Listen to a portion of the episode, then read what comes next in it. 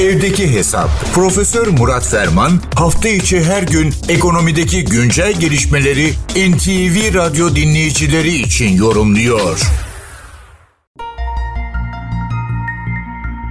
Türkiye 81 iliyle kederde, tasada, sevinçte bir ve beraber yoluna devam eden büyük bir ülke.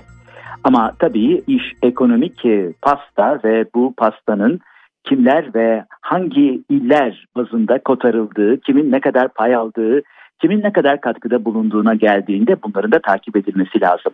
İşte Türkiye İstatistik Kurumu senenin sonuna doğru senede bir defa illere göre il bazında gayri safi yurt içi hasıla rakamlarını açıklıyor ve bu şekilde Türkiye'de il bazında refahın, katma değerin, sağlanan katkının ne yönde geliştiğini görebiliyoruz. Gene bu gelenek bozulmadı. 8 Aralık 2022 e, tarihinde TÜİK il bazında gayri safi yurt içi hasıla 2021 rakamlarını açıkladı, sonuçlarını açıkladı. Tabii bu çerçevede önümüzdeki e, içinde bulunduğumuz yıla ait istatistiğinde hemen 7 Aralık 2023'te açıklanacağının da haberi verildi. Şimdi biz dilerseniz en son güncel rakamlara bakalım. Türkiye'de bu sefer yeni bir gelişme var. Şöyle bir gelişme var.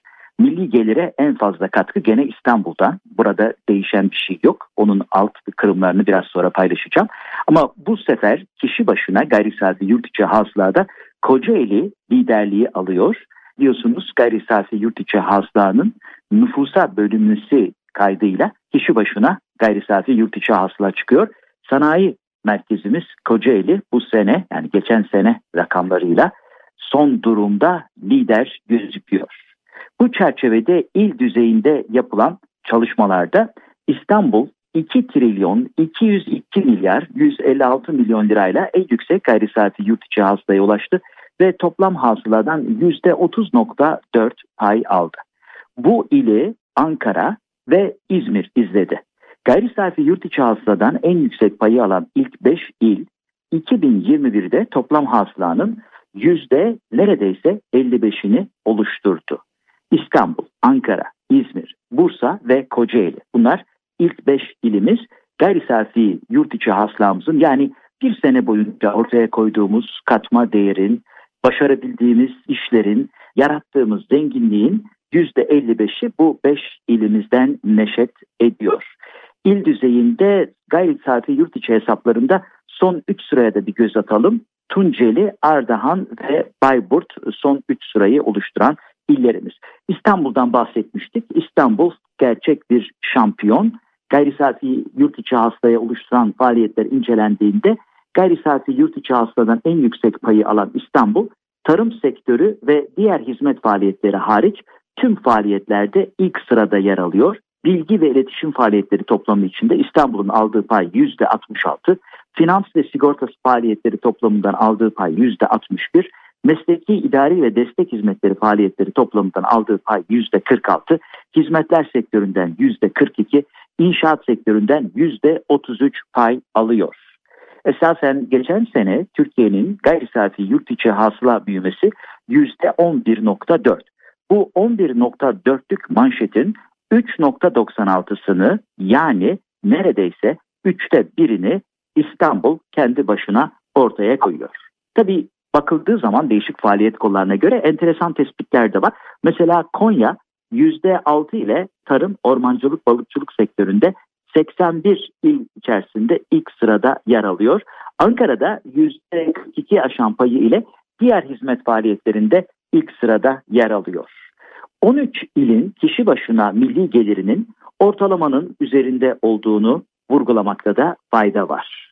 Yıllık gayri safi yurt içi hasıla bakımından bakıldığında 17 il geçtiğimiz yıl Türkiye ortalamasının üzerinde bir artış kaydetmiş ve güzel bir haber 36 il kendi sıralamasını yükseltmiş yani daha ileriye gitmiş. Gayri safi yurt içi hasılada en yüksek artış oranında %61 ile Hatay elde etmiş.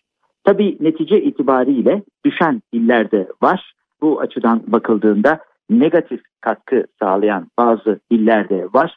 Bu illeri de herhalde yakından takip etmekte ve yatırım ve teşvik uygulamalarında pozitif ayrımcılık yapmakta fayda var. Evet, Türkiye bir bütündür. Ancak idari bölünme bakımından 81 vilayet üzerinden hayatımızı sürdürüyoruz. Bu çerçevede geçen seneki gayri saati yurt içi hasılanın hangi ilden ne oranda neşet ettiğini, kaynaklandığını ve illerin bu toplam pastadan ne kadar dilimlere sahip olduklarını veya talep ettiklerini görmüş olduk.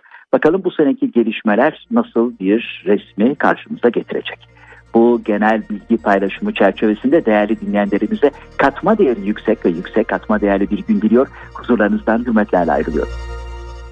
Profesör Murat Ferman'la evdeki hesap sona erdi.